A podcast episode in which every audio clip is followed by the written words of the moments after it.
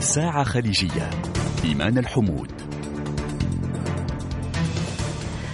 أعزائي المستمعين أهلا وسهلا بكم في حلقة جديدة من برنامجكم الأسبوعي الساعة الخليجية. برنامج نناقش فيه آخر قضايا الساعة في منطقة الخليج السياسية منها والاجتماعية مع ضيوف يواكبون الحدث ويسهمون في صناعته مرة أخرى. أهلا بكم.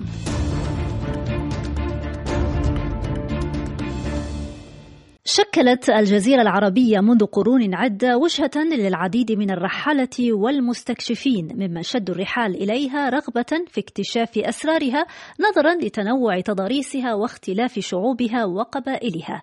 سلطنة عمان كانت بدورها بوابة لاستقبال أفواج الراغبين في التعرف على هذه المنطقة مشكلة ببخورها ولبانها وطبيعتها الساحرة وشعبها المضياف صورة ذهنية ارتبطت في مخيلتي هؤلاء الرحالة بعجائب القصص والحكايات والأساطير.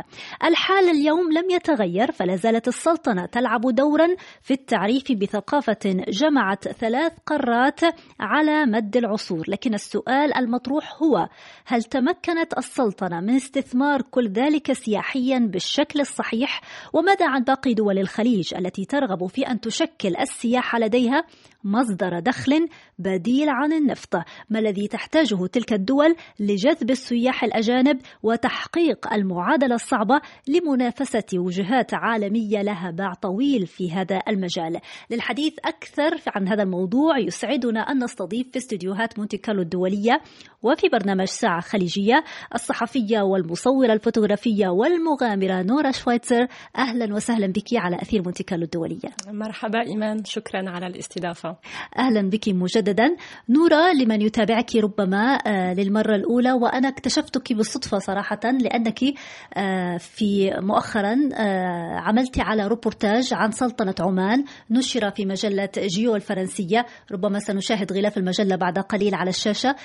هذه هذا الروبورتاج أثار اهتمامي. اشتريت هذه المجلة طالعتها وجدت الكثير من المعلومات المفيدة. في هذا الروبورتاج لم أكن أنا شخصيا لم أكن أعرفها عن سلطنة عمان. الكثير من الصور الجميلة. يعني قبل أن نبدأ بالحديث عن هذا الروبورتاج نريد أن نعرف من هي نورا شويتزر نورا شويتر أنا صحفية ومصورة مثل ما حكيتي. فرنسية من أصل مغربي وألماني. صار لي هلا أربع سنين بشتغل في مجال الصحافة وبعمل ريبورتاجات في دول العربية وبشكل خاص في مناطق في المناطق الصحراوية. فبحب الصحراء بشكل عام الصحراء الكبرى أكثر شيء يعني في شمال إفريقيا. والدول العربية والثقافات المختلفة اللي يعني موجودة في كل الدول العربية. فأنا أحاول أن أبحث هذه المواضيع يعني في الريبورتاجات اللي بعملها أحكي عن الثقافات أحكي عن التقاليد هذه تقاليد الشعوب اللي ساكنة في الصحراء أو تقاليد الدول العربية بشكل عام. أنا مثلا يعني أنا سكنت في في عدة دول في في لبنان وفلسطين ومصر. أنا أنا يهمني جدا الحديث عن كل ذلك ولكن أريد أن أسأل بداية كيف تعلمت اللغة العربية بهذه البراعة؟ هل هي منذ الطفولة أم؟ مش منذ الطفولة يعني يمكن شوي في الطفولة لأنه أمي مغربية ف كانت تحكي معنا في البيت بالعربي ولكن بالدارجة المغربية. وكانت أشياء بسيطة يعني مثلا كلمات أوامر أكثر شيء أوامر. نعم. مثل باقي الأمهات. أيوة. جلسي شربي كولي أجي امشي يعني هذه الأشياء. نعم. فما كنت أعرف اللغة العربية. أنا درست لحالي بلشت كان عمري 18 سنة في الجامعة في فرنسا في جامعة تولوز أول شيء لأنه أنا من تولوز جنوب غرب فرنسا. نعم. وبعدين درست سنة في مصر. أخذت دروس مكثفة يعني باللغة العربية الفصحى والعامية المصرية. وبعدين اشتغلت بلبنان سنة أقل من سنة شوي وتعلمت اللهجة اللبنانية في لبنان وبعدين كمان سكنت سنتين في فلسطين. فتعلمت اللغة العربية عن طريق الدراسات في فرنسا وعن طريق الوقت اللي قضيته في الدول العربية. يعني من يطالع سيرتك الذاتية يجد بأنك عملت مع العديد من وسائل الإعلام صحافة مكتوبة صحافة مرئية وكالات أنباء أهمها وكالة الأنباء الفرنسية.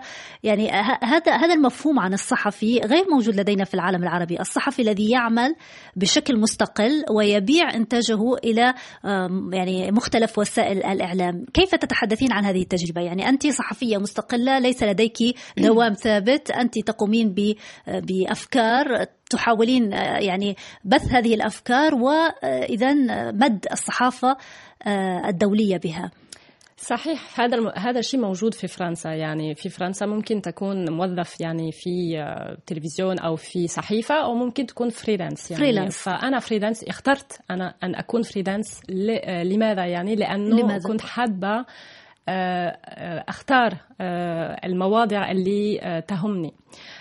فهذا هذا شيء صعب في وجميل في نفس الوقت. جميل لأنه أكتب عن الدول أو المواضيع اللي أحبها ولكن في نفس الوقت صعب لأنه دائما لازم أقنع الصحف إنه هذا الموضوع لازم يعملوه. يعني فأنا دائما شغل أيوه مهم. فأنا شغلي دائما إنه أبحث كثير عن الموضوع وأكتب شيء اسمه سينوبسيس يعني نص يعني ملخص يعني عن الموضوع وأقدم هذا هذا النص للصحف وإذا صحيفة تقبل بعدين ممكن أنا أنفذ يعني العمل وأنا أعمل المقال. فهذا الشيء موجود في فرنسا يعني هذا النظام وكما قلتي أنا أبيع يعني أبيع يعني يعني لعدة مجالات حسب كمان الموضوع. يعني في مجلات مخصصة بالثقافة أكثر في مجلات مخصصة مثلا بأمور الطبيعة لا تهتم مثلا بالشعوب تهتم أكثر بالطبيعة. صحيح. في صحف تهتم مثلا ال hiking. أنا بكتب كثير عن ال hiking والمغامرات. فكل صحيفة عندها كمان مجالها.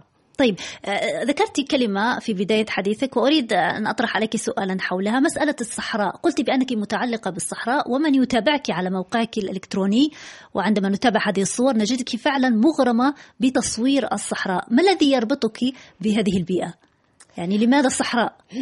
لماذا الصحراء؟ وأنت من ألمانيا يعني. صح أنا من ألمانيا وتربيت في تولوز في فرنسا. نعم. آه و حتى عائلتي في المغرب ما لها علاقة مع الصحراء. يعني نحن من فاس ومعظم عائلتي في كازابلانكا في دار بيضاء.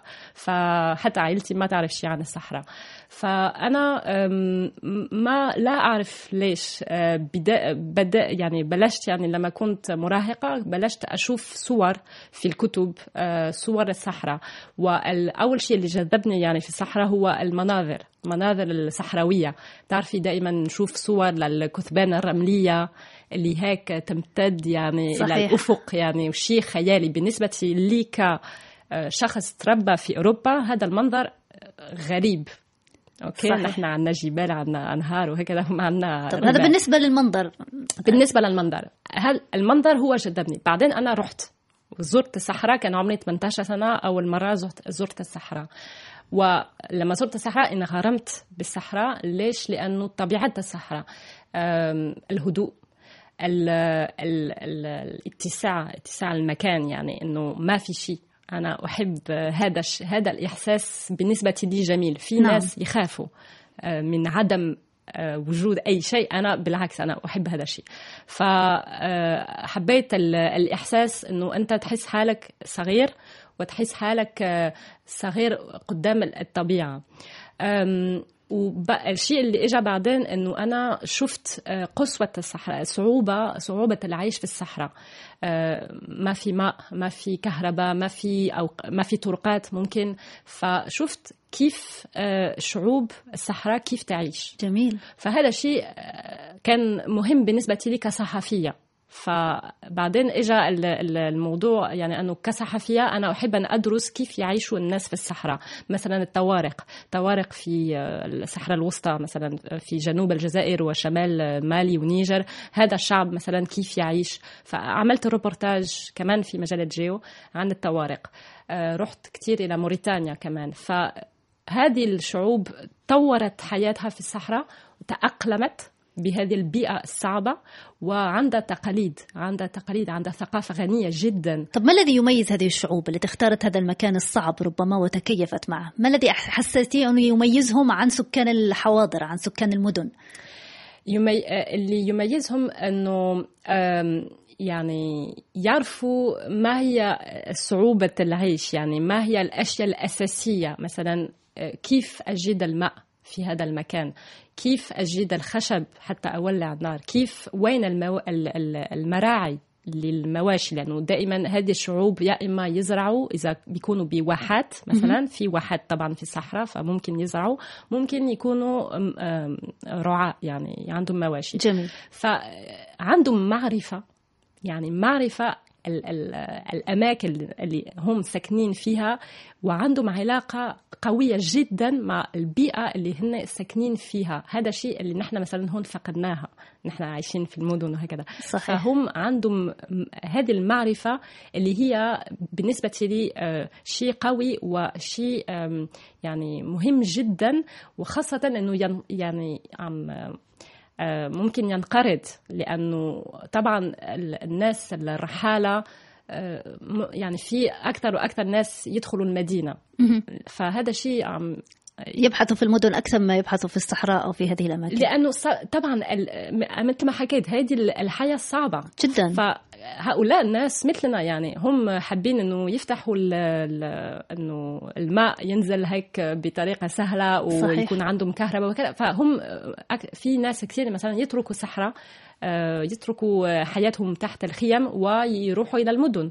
شيء طبيعي. بس في نفس الوقت كل المعرفة وكل الخبرة اللي عندهم راح تف... راح يفقدوها, يفقدوها. صحيح. مزبوط صحيح. فلهذا السبب أنا أحاول أن أشوف الأشياء التقليدية اللي ممكن بعد عشرين سنة تختفي.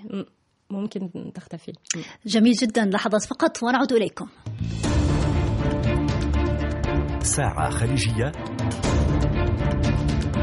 إيمان الحمود. نعود إليكم وإلى الساعة الخليجية على أثير مونتي كارلو الدولية. ضيفتنا دائما هي الصحفية والمصورة الفوتوغرافية نورا شفايتزر. أهلا وسهلا بك مجددا. أهلا إيمان. دعينا نبدأ في صلب الموضوع الآن. موضوع سلطنة عمان. Okay. هذا الريبورتاج الذي قلت لك بأن اكتشفته عن طريق الصدفة وأعجبني كثيرا وغردت به على تويتر. كنت أريد أن أعرف يعني كيف جاءتك الفكرة للذهاب إلى سلطنة عمان وأنا سمعت أنك لم لم تزوري منطقة الخليج من قبل. يعني سلطنة عمان ربما هي الدولة الأولى التي تدخليها في هذه المنطقة في الجزيرة العربية. لماذا عمان؟ كيف جاءت الفكرة؟ الفكرة جاءت من زمان. أول شيء ليش عمان؟ لأنه بلد فيه صحراء مثل ما حكيت أنا مهتمة بالصحراء فشفت كيف يعني نوعية هذه الأرض فشفت أنه بلد فيه صحراء وكمان أنا من زمان لما كنت كمان مراهقة يعني شفت روبورتاج على التلفزيون الفرنسي في حلقة اسمها التلسة اللي هي مهتمة بالبحر فعملوا موضوع عن التاريخ البحري العماني. فأنا اكتشفت يعني عالم جميل جدا وتاريخ عمان كيف سافروا إلى إلى مثلا سواحل إفريقيا كيف سافروا إلى إلى الهند إلى إلى إلى الصين. فهذا التاريخ و وكمان المزيج اللي تشكل يعني من هذا التاريخ. هذا خلاني أحس أنه هذا البلد جميل لأنه حسيت أنه هو بين إفريقيا والثقافة العربية والثقافه كمان الهندية. يعني في صحيح جمع قارات كثيرة في م. طيب يعني أقنعتي المجلة جيو بأنك ستنجزين تقريرا عن سلطنة عمان.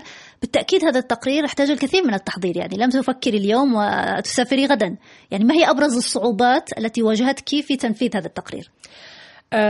أبرز الصعوبات أبرز صعوبة هي أنه عمان مش معروفة مش مش مشهورة في فرنسا. فمجلة جيو يعني كان صعب أنه أقنعهم أنه لازم يعملوا موضوع عن تقرير عن عمان لأنه بلد مش معروف وبلد غامض شوي بالنسبة للأوروبيين. ف وأنا صراحة أول شيء أنا اقترحت فقط موضوع مش غلاف. كان المفروض يكون تحت يعني في المواضيع الأخرى. ليس موضوعا رئيسيا يعني. ف voilà exactement فهم بعدين آه، يعني هو رئيس التحرير هو اللي قرر إنه يعمل غلاف. فبدل من موضوع واحد كان لازم أنا أكتب أربع مواضيع. فكان أصعب إنه آه، أفكر يعني ما هي الأربع مواضيع اللي راح أختارها وطبعا مثل ما حكيت يعني هذا يشكل شغل هائل يعني وبحث. وبحث كتير. وأنا بين أول مرة اقترحت هذا هذا الموضوع بين السفر آه، مضت سنتين. سنتين طبعا كان في أزمة واو. كورونا. أزمة كورونا سكرت يعني عمان سكرت حدودها فما كان ممكن أسافر. ولكن حتى بدون كورونا آه، كان هذا الأمر كان استمر يعني شهور أشهر. جميل لأنه جدا. في كثير يعني مثل ما حكيت لك يعني قبل شغلي دائما قناعة يعني إقناع إقناع, إقناع الصحف. فهذا ياخذ وقت. عملتي أربع مواضيع نعم. آه ربما منها عن عن البحر عن البحر وعمان. أيوة. وموضوع آخر عن ظفار. نعم. وموضوع ثالث آه، عن سباقات الهجن. عن سباقات الهجن. أحسنتي. والرابع والأخير كان؟ الرابع كان آه، يعني تقديم آه، عام عن عمان تراث يعني تراث تراث عفوا ثقافة تاريخ يعني موضوع عام. جميل. بالنسبة لي أنا كان الموضوع الأكثر اثراء لمعلوماتي هو موضوع ظفار لأنه أنا سافرت إلى سلطنة عمان أكثر من مرة ولكني لم أحظى بفرصة زيارة هذه المنطقة صلالة ويعني كل ما يحيط بها من طبيعة ساحرة ونسمع بها دائما ولكن لم يحالفني الحظ. فاستفدت الكثير من المعلومات التي جاءت في الروبورتاج الذي كتبتيه عن منطقة صلالة. دعينا نستضيف معنا في البرنامج الأستاذ علي بن سهيل المعشني وهو باحث وشاعر وله مؤلفات كثيرة. ساعدك من ظفار ساعدك في هذا الروبورتاج مرحبا بك أستاذ علي. أنت معنا على أثير مونتي كارلو في برنامج ساعة خليجية. مرحبا مرحبا أستاذ إيمان. أمسي عليك بالخير. حيا الدكتورة. الله يسلمك. أهلا وسهلا بك. ومسي بالخير على الأستاذة نورة. سمعت عنك الكثير أستاذ علي. سمعت عنك الكثير وأريد وأريد فعلا أن نستفيد منك في هذه آه، الفترة آه، يعني الحديث عن ظفار. يعني صراحة يحتاج إلى الكثير من المؤلفات والكتب لأننا نقرأ عنها الكثير. آه، هذه المنطقة الشاسعه مترامية الأطراف ذات طبيعة خلابة.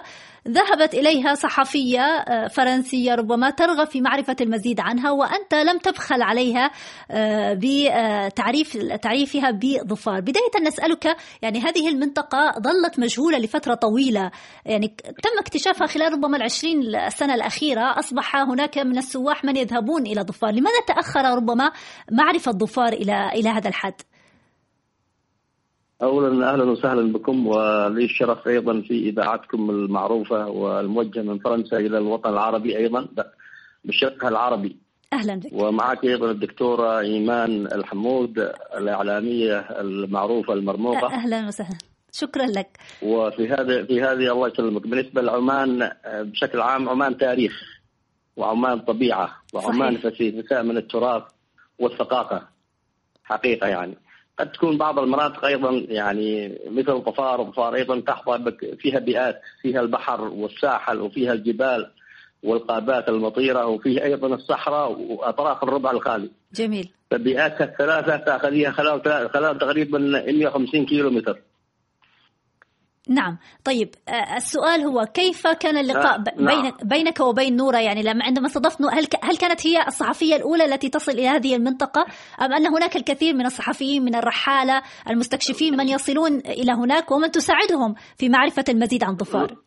الله يسلمك. لا طبعا قد وصل كثير من الرحالة منهم ابن بطوطه وغيره يعني. لا لا قبل لا لا على أيامك يعني قبل ابن بطوطة.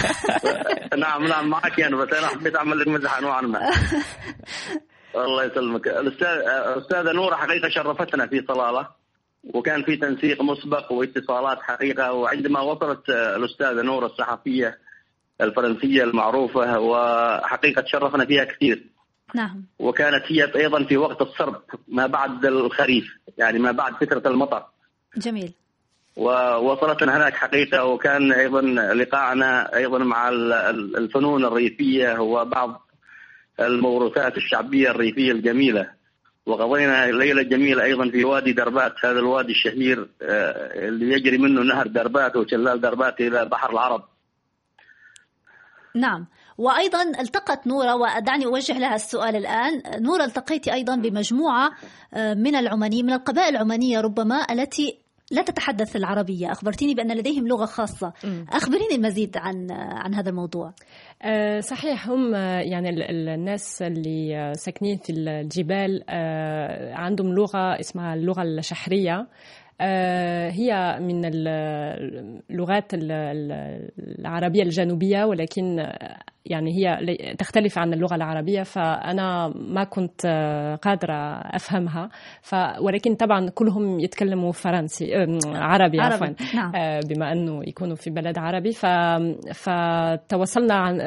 من خلال اللغة العربية ولكن لغتهم يعني جميلة. وكما قال الأستاذ علي يعني عندهم فنون آه، ريفية فنون قديمة جدا. وهذه الفنون بهذه اللغة يعني في اللغة الشحرية ف... فهذا الشيء جميل جدا. أنا لهذا السبب أنا تواصلت مع الأستاذ علي حتى آه، يكون عندي فرصة أنه أسمع هذه الفنون النانا والدبرارت مثلا ولكن في أكثر من من هذا آه، بهذه اللغة وكيف يحافظون على هذه الفنون.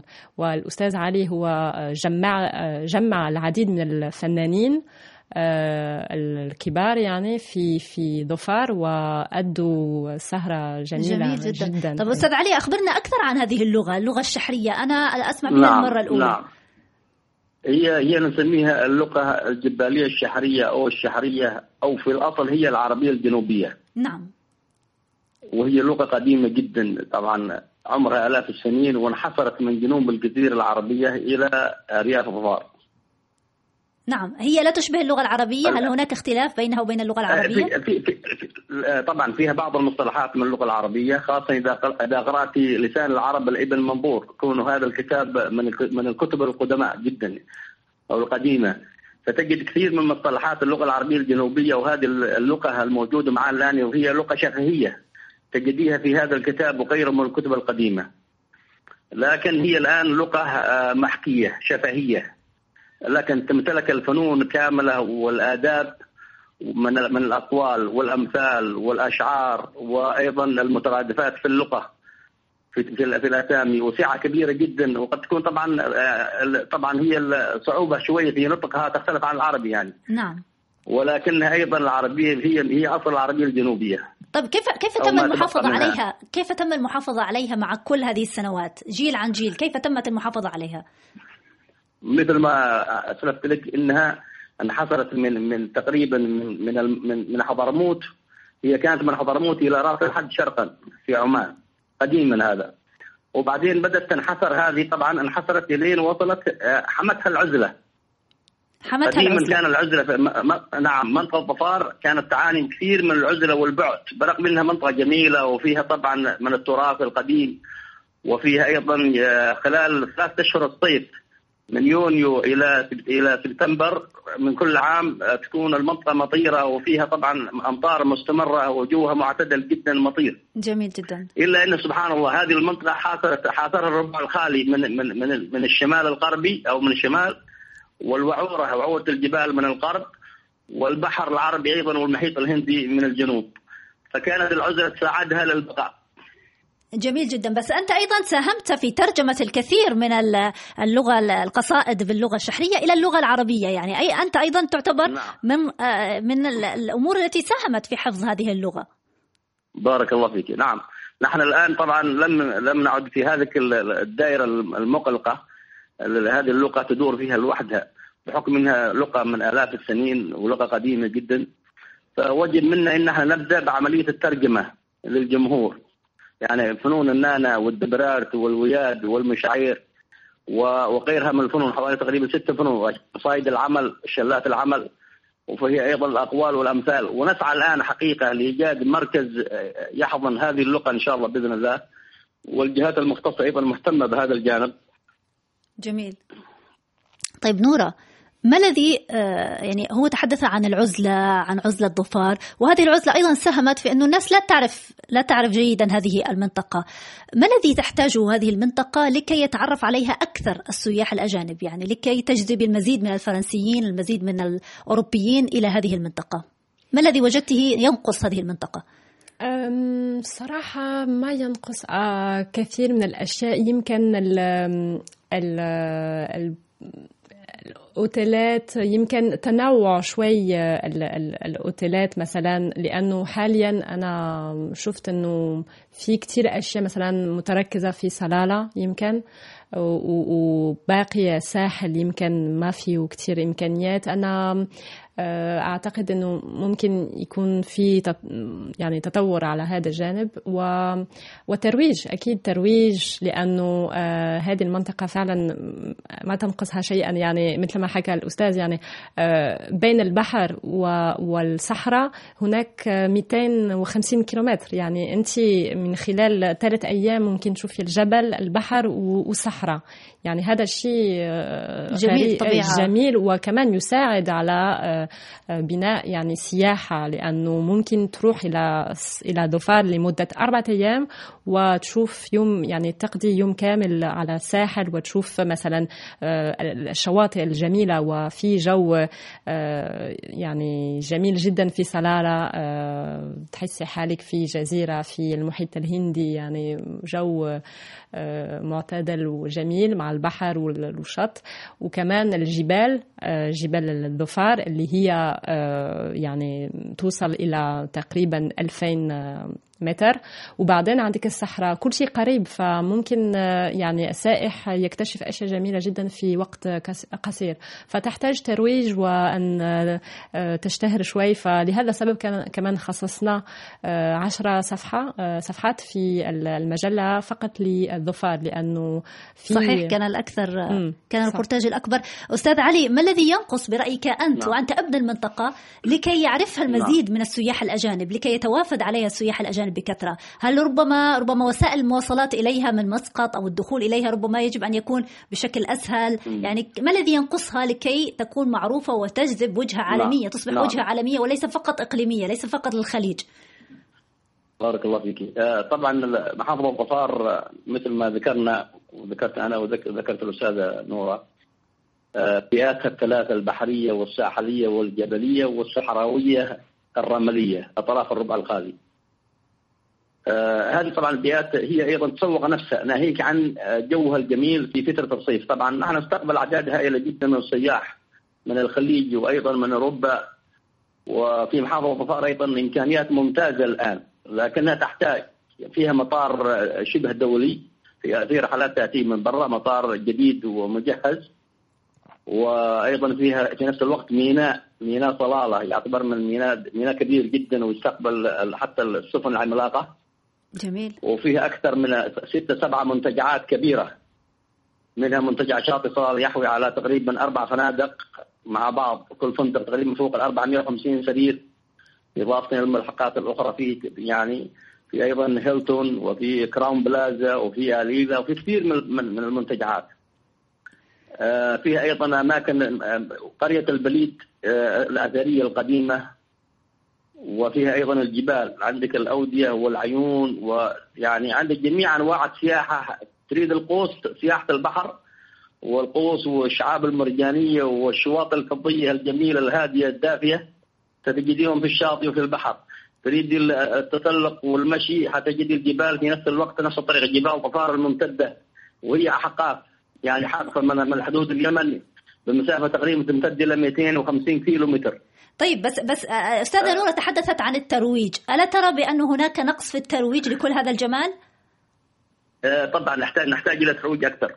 نعم. وأنا شاكر جدا الاستاذه نور وشاكر مجله جيو المعروفة بهذه اللفتة اللي عملتها عن عمان فعلا خاصه الغلاف وتعريف بهذه المقالات نحن نعتبر إضافة أنا كنت في مسقط قبل يمكن تقريبا 15 يوم أو 20 يوم تقريبا بالصدفة ألتقي ثلاث مرات. ألتقي جروبات سياحية فرنسية تأتي إلى مسقط وهم حاملين هذه المجلة مجلة GEO في في في أيديهم. حقيقة والله هذا كلام واقع يعني. جميل جميل جدا. أستاذ علي بن سهيل المعشني شكرا جزيلا لك على وجودك معنا اليوم في الساعة الخليجية على أثير مونتي كارلو الدولية. شكرا على هذه المشاركة. شكرا لك. شكرا يا دكتورة إيمان وشكرا جزيلا أستاذة نورة وشكرا لإذاعة مونتي كارلو. الحقيقة يعني على هذه تحت هذه الفرصة. شكرا وتحياتي لكم جميعا. شكرا جزيلا لك لحظات فقط ونعود إليكم. مونتي كارلو الدولية في مسقط 92.2 FM. نعود إليكم وإلى الساعة الخليجية على أثير مونتي كارلو الدولية. ضيفتنا هي الصحفية والمصورة الفوتوغرافية نورا شويتزر وتحدثنا أكثر عن رحلتها إلى سلطنة عمان. نورا بالتأكيد أنك وصلت إلى سلطنة عمان وكان هناك في استقبالك العديد من ممن نسقت معهم العديد من الصحفيين ربما من المرشدين السياحيين. هل كان التواصل سهلا بينك وبين هذه المجموعة بداية؟ آه، قصدك وأنا موجودة ولا قبل؟ قبل يعني عملية التواصل مع من يرشدك إلى ما تريدين في سلطنة عمان أه صح كان سهل لأنه أه السياحة في عمان ليست جديدة وهم يعني تعودوا على أنه يستقبلوا السواح ويستقبلوا الصحفيين فأنا حددت حددت برنامج قبل ما قبل ما أن أسافر وكان كل شيء جاهز وكانوا فعلا يعني المكتب اللي اشتغلت معه كان يعني نفذ كل شيء على الدقيقة يعني المواعيد اللي أخذها في مسقط وفي كل الأماكن كانت آه، دقيقة جدا وكل واحد إجا على الموعد وكان كل شيء تمام. و... وكان آه، يعني كان عندهم رغبة كبيرة جدا أنه أرى كل ما أريد أن أراه وأنه يعني أنه أقدر أشتغل وأشوف آه، الأشياء اللي أحتاجها للمقال لأنه فعلا هم عندهم رغبة أنه تشتهر عمان. هم عارفين أنه أنه عندهم ثروات طبيعية كبيرة. يعني إن يعني إذا كان البحر مثلا إن كان البحر يعني في ممكن تغطسي في في بحر عمان يعني أو خليج عمان في مواقع للغطس في جبال. كما حكينا عن الضفار هذا موجود كمان في شمال عمان يعني جبل الأخضر جبل الشمس. آه، في أماكن سياحية جميلة جدا وهم يدركون هذا الشيء نعم. ويحبين أنه العالم يكتشف هذا الشيء. جميل. عمان مترامية الأطراف. أنت زرت البحر زرت الجبل وزرت الصحراء على ما أظن. يعني آه، ما الذي يميز كل منطقة عن أخرى؟ يعني ما الذي يميز ساكني بالأحرى كل منطقة عن أخرى؟ سكان البحر عن سكان الجبل عن سكان الصحراء. فعلا انت تسافري انت في نفس البلد تسافري من مجتمع إلى مجتمع تاني. يعني الناس اللي ساكنين على الساحل ليس في كتير ناس ساكنين في القرى آه، آه، على الساحل ويتصيدوا وعايشين حياة فعلا مربوطة بالبحر. آه، ونفس الشيء في الجبال. آه، في في جبال الجبل الأخضر مثلا آه، تعرفت على شاب مرشد اسمه أمجد. حكى لي عن أنواع التمر التمور. يعني كم نوع من التمور يعني في في في الواحات وفي أنواع النخيل. فكل مجتمع يعني عنده عالمه. وأنا أرى أنه الشيء القوي في عمان أنه حافظوا على علاقتهم malbia. يعني في الجبال كثير يعني الناس بقوا في الجبال ويزرعوا في الجبال وعندهم ثقافة النخيل وفي كمان الزهور معروفة في جبل الأخضر وزعفران كمان وفي الصحراء كمان الصحراء عالم تاني. أنا كنت عند البدو في الرمال الشرقية فهم نفس الشيء عندهم عالمهم يعني أنه العلاقة مع الإبل والعلاقة مع مثلا الصحراء البيئة الصحراوية. فكل منطقة وكل فئة من المجتمع عندها شيء مميز. جميل جدا. طيب كل هذا الحديث يقودنا إلى معرفة أو محاولة معرفة ما الذي تخبئه أيضا سلطنة عمان. ولمعرفة المزيد دعينا نربط الاتصال الآن بالأستاذ نصر البوسعيدي وهو الباحث في تاريخ عمان. مرحبا أستاذ نصر. مرحبتين دكتورة وسعيد جدا بمشاركتي معكم وأيضا تحية لضيفتك الكريمة التي زارت عمان واستمتعت كثيرا بعمان. أهلا وسهلا بك أستاذ نصر يسعدني أن أستضيفك اليوم لأنك يعني بحثت كثيرا في تاريخ عمان وركزت على الجوانب الخفية في هذا التاريخ، لك عدة مؤلفات يعني عن تاريخ عمان نذكر منها مثلا عمان عبر الزمان، حكايات من تاريخ عمان وعمان مجد التاريخ، أنت هديتني كتاب حكايات من تاريخ عمان واستمتعت بقراءته نعم. جدا لأنه ركز أستاذ نصر على حكايا وقصص لا يعرفها حتى العماني نفسه يعني حتى بعض العمانيين لا يعرفون هذه القصص التي وردت في الكتاب ما الذي دفعك بداية إلى نبش كل هذه الأسرار والحكايات؟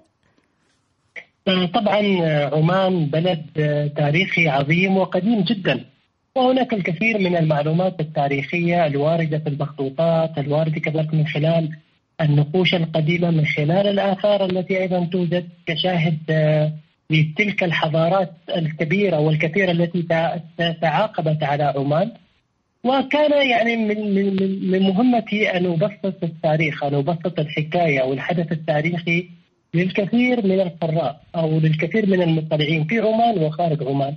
هناك الكثير من يحب التاريخ ولكنه لا يحب طريقة تقديم التاريخ لأنها طريقة كلاسيكية قديمة طريقة شوية يعني بها الكثير من من الكلام الذي لا يريده القارئ أو لا يريده المطلع. يريد المختصر يريد ان ان ان أن يرى الحكاية بطريقة أخرى وبلغة عصرية بلغة سهلة.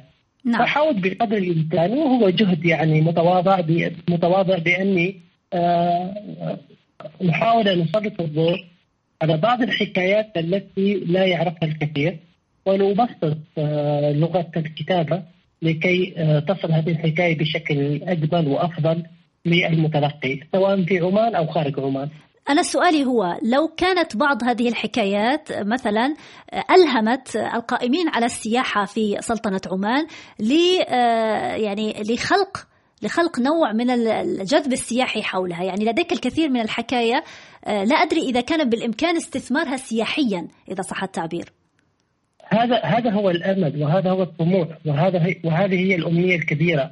أن تستثمر هذه الحكايات التاريخية السياحية أن تستثمر سينمائيا. عمان ويمكن ذكرت ضيفتك فيها تنوع جغرافي كبير وتاريخي وهي يعني بلد آه، عريق. وبه الكثير والكثير من الأماكن التي ترتبط بها حكايات تاريخية مذهلة. يعني مثلا نتحدث عن بيبي مريم. الهاتف.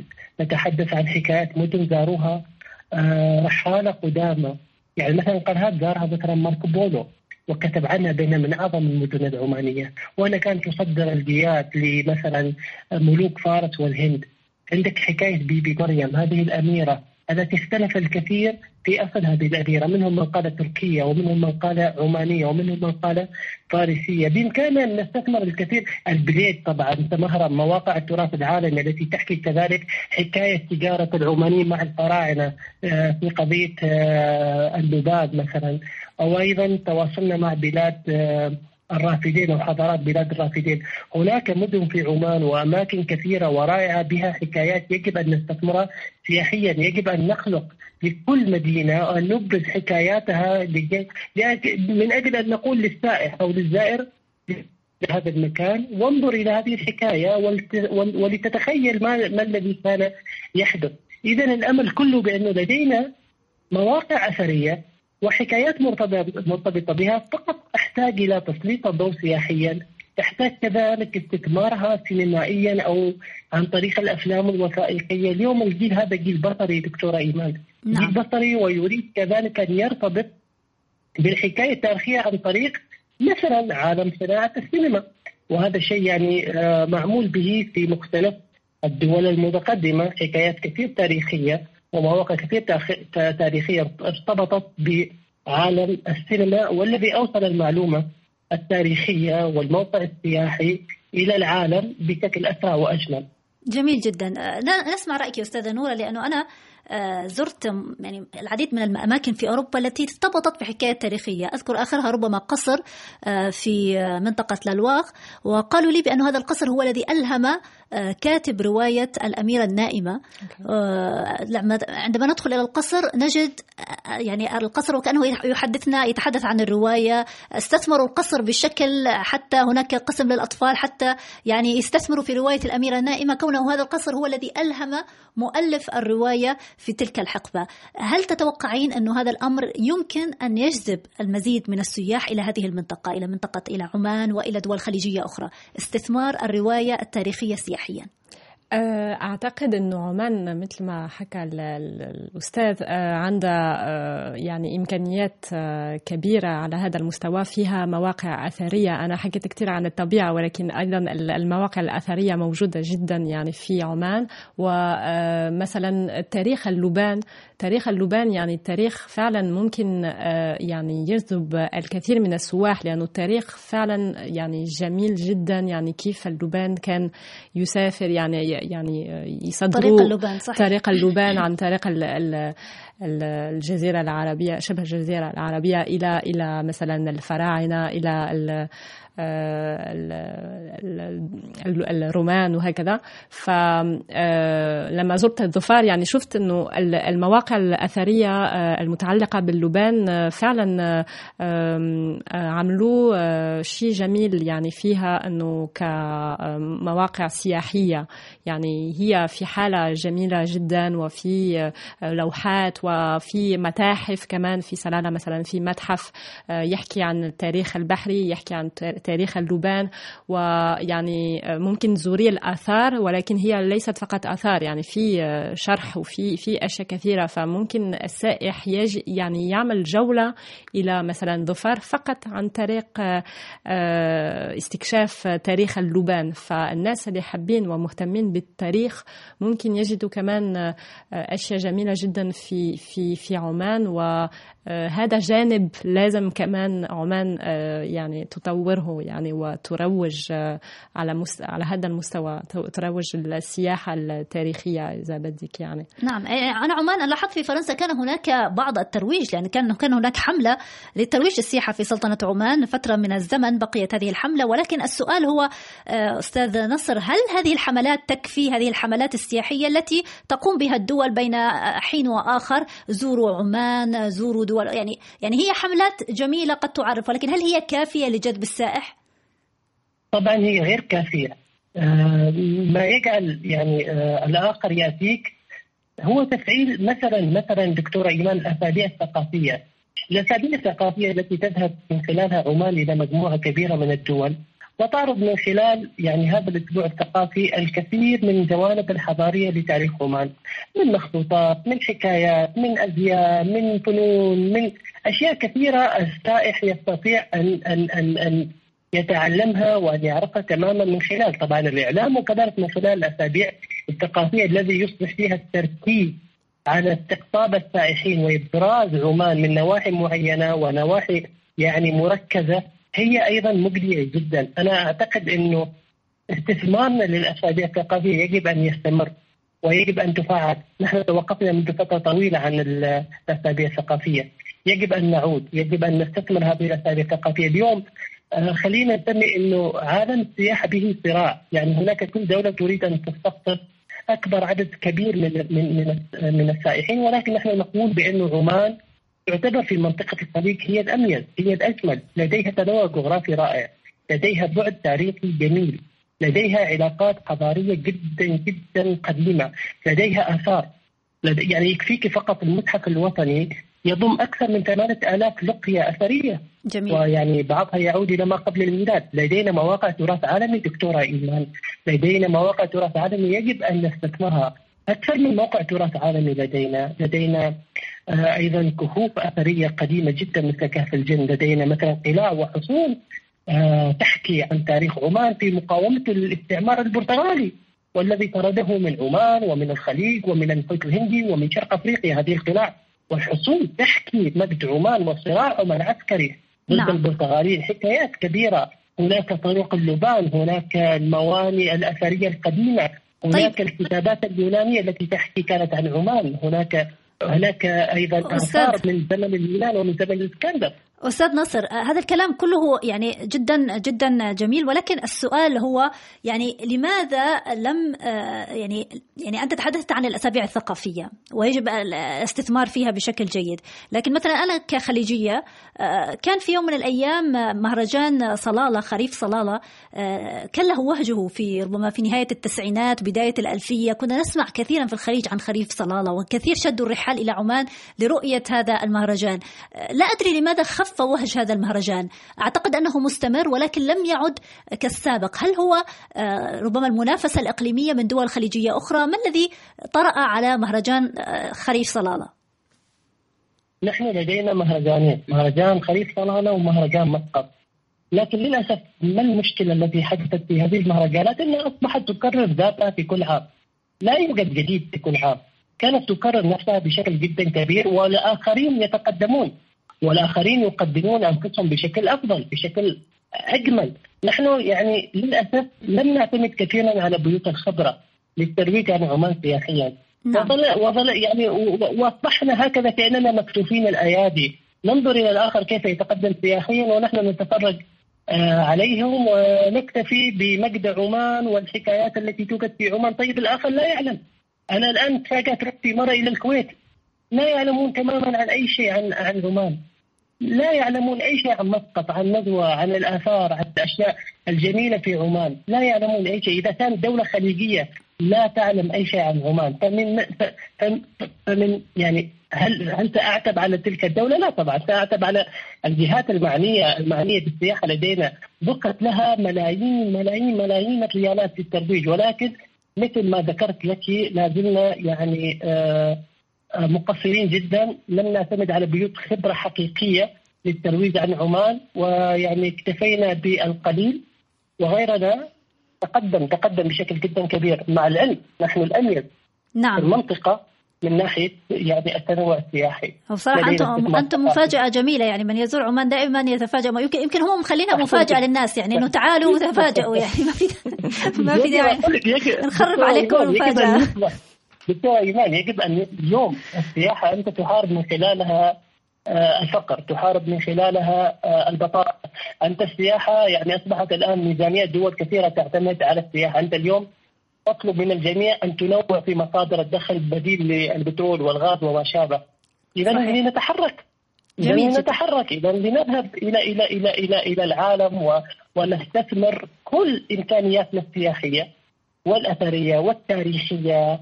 والثقافية والحضارية لنقول للآخر لتأتي إلى عمان وتنبهر.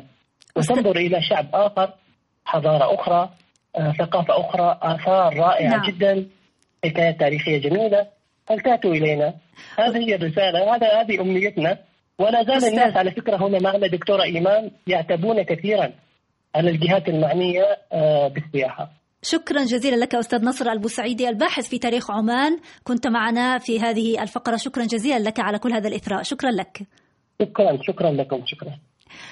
نورا نعود إليك. ربما هذه اللحظات الدقائق الأخيرة من البرنامج. أه، تحدث إذا عن الحاجة إلى الترويج الحاجة إلى التعريف الناس بعمان الحاجة إلى كون هذا الدخل دخل السياحة أن يتحول إلى دخل حقيقي للدولة. أه، هذه الفكرة ليست فقط في عمان ولكن كل دول الخليج اليوم تنافس على مسألة مصدر بديل للنفط والسياحة ربما تكون أحد هذه المصادر أه لابد أنك تتابعين ما يجري في السعودية لا أدري إذا كنت زرت السعودية لم لم تزوريها من قبل ولكن فجأة أصبحت السعودية اليوم من أكثر الوجهات الخليجية آه، جذبا للسياح بفضل هذه الجهود التي تبذل داخليا من أجل جذب الناس إلى آه، العلا وإلى أماكن أخرى تراثية وتاريخية وثقافية. آه، برأيك لماذا التفتت دول الخليج اليوم إلى هذا إلى هذا المجال مجال السياحة؟ أنا أول شيء بدي بس أرجع إلى تفضل. ما كنا نحكي عنه من قبل أه، و, و... أه، يعني ألفت أو سلت وسلت الضوء على الجهود اللي عملتها يعني سلطنة عمان لتعريف عن حالها وهكذا. مثلا في أنا لما كنت أحضر هذا التقرير قريت أنه عدد السواح الفرنسيين اللي يزوروا عمان قبل أزمة كورونا طبعا كان يزداد. كتير. فمكتب آه، السياحة في في فرنسا مكتب سياحة وتمثيل عمان في فرنسا آه، عمل جهود كبيرة يعني في العشر سنين الماضية. فقبل أزمة كورونا كان على الطريق الصحيح يعني أنه كان في فرنسيين أكثر وأكثر يزوروا عمان وكان هذا البلد يبدأ آه، يشكل وجهة يشكل وجهة. في الشتاء في الشتاء أو في خاصة في الشتاء لأنه في الأوروبيين يرغبون في وجهات مزبوط شتوية مزبوط معتدلة إيه وكمان عمان عن عندها أمن آه وبلد يعني آه إيه آمن جدا. يعني ممكن تسافر حتى لحالك. أنا كمرأة سافرت ما كان عندي أي مشكلة. ف آه فكان يزداد الرقم. طبعا أزمة كورونا هي خربت كل شيء. ولكن قبل هذا كان كانت كان البلد فعلا يبدأ يشتهر يعني لمناظرها. فلهذا السبب أنا كنت فقط صحيح لازم يكون في جهود أكثر ولكن كان يعني على يعني كان الطريق الصحيح. صحيح. ف وسؤالك سؤالي عن السعودية اليوم. أنت تشاهدين ما الذي يحدث في السعودية. هناك يعني تغيير كبير جدا. تتوقعين هل ستصبح السعودية وجهة للسياحة العالمية؟ هذا ما ترغب به المملكة اليوم أن تكون وجهة للسياحة العالمية. ما الذي ينقص كل هذه الجهود مثلا؟ أنا أعتقد أنه صحيح مثل ما حكيتي يعني ترويج آه، كبير. يعني هل كل الناس مثلا هون في فرنسا كان في معرض عن العلا وكل يعني أنا أنا أتابع شوي بس آه، لهذا سبب أنا أعرف أنه في مكان اسمه العلا وهكذا. ولكن أعتقد أنه الترويج هو فعلا فعال. وينقص يمكن إنه يكون في مواقع أخرى آه، أنا حاسة إنه تركزوا كل الجهود على العلا مع إنه الصحراء السعودية كبيرة جدا يعني هذا البلد ما بعرف المساحة ولكن أكيد في مواقع أخرى ممكن آه، لا هناك تركيز على مواقع أخرى ولكن لأنه العلا هي دره هذه المواقع طبعا. يعني كانت تتحدثين عن تاج محل في الهند مثلا بالنسبة طبعا. للسعودية آه، اليوم ولكن عندما نقول السائح الأجنبي عندما يذهب للسعوديه نتحدث عن صورة نمطية تشكلت على مدى سنوات عن المملكة. تغيرت هذه الصورة خلال السنتين الأخيرتين ولكن أنت قلت لي قبل الحلقة بأنه لا زال المواطن. الأوروبي غير شوفي أنا قبل ما أنا من زمان بدي حابة أزور السعودية ولكن قبل ما يحطوا التأشيرات يعني يسمحوا التأشيرات السياحية. السياحية للأجانب كان مش ممكن يعني إلا يعني ما كان في إمكانية إنه نزور السعودية. فأنا بالنسبة لي للسعودية خلاص أنا حطيت على جانب في راسي مش موجودة كوجهة سياحية. وبس فتحوا. صار في كورونا. فأنا أعتقد يعني إنه هذا شيء سوء الحظ يعني طبعا بس يحتاج سنين لأنه أنا أعتقد إنه الجمهور الفرنسي أو الأوروبي رح يحتاج سنين حتى يشيل هذه الفكرة آه، تعرفي الصورة يمكن سلبية شوية نمطية صورة عن المرأة. ولكن الأمور كثير تغيرت وأنا أتمنى أن تزوري السعودية قريبا. أنا أنا أنا أتمنى كثير يعني إنه أزور السعودية وأنا أعرف إنه في كثير أشياء تغيرت وأنا أتابع ولكن الشخص اللي لا يتابع. مفهوم. جميل شفتي؟ جدا. يعني الشخص اللي لا يتابع ممكن آه، لا يعرف. الصحفية والمصورة الفوتوغرافية نورا شفايتسر شكرا جزيلا لك على تواجدك معنا في الساعة الخليجية هذا الأسبوع. يعني انتهت الحلقة معنا الحديث معك ممتع للغاية. أعزائي المستمعين شكرا لكم. كانت معكم إيمان لحمود ومن على هندسة الصوت مازن الخليل والإخراج جوليا لانج على أمل لقاء بكم الأسبوع المقبل ابقوا دائما معنا. مونتي كارلو الدولية في مسقط 92.2 اف ام.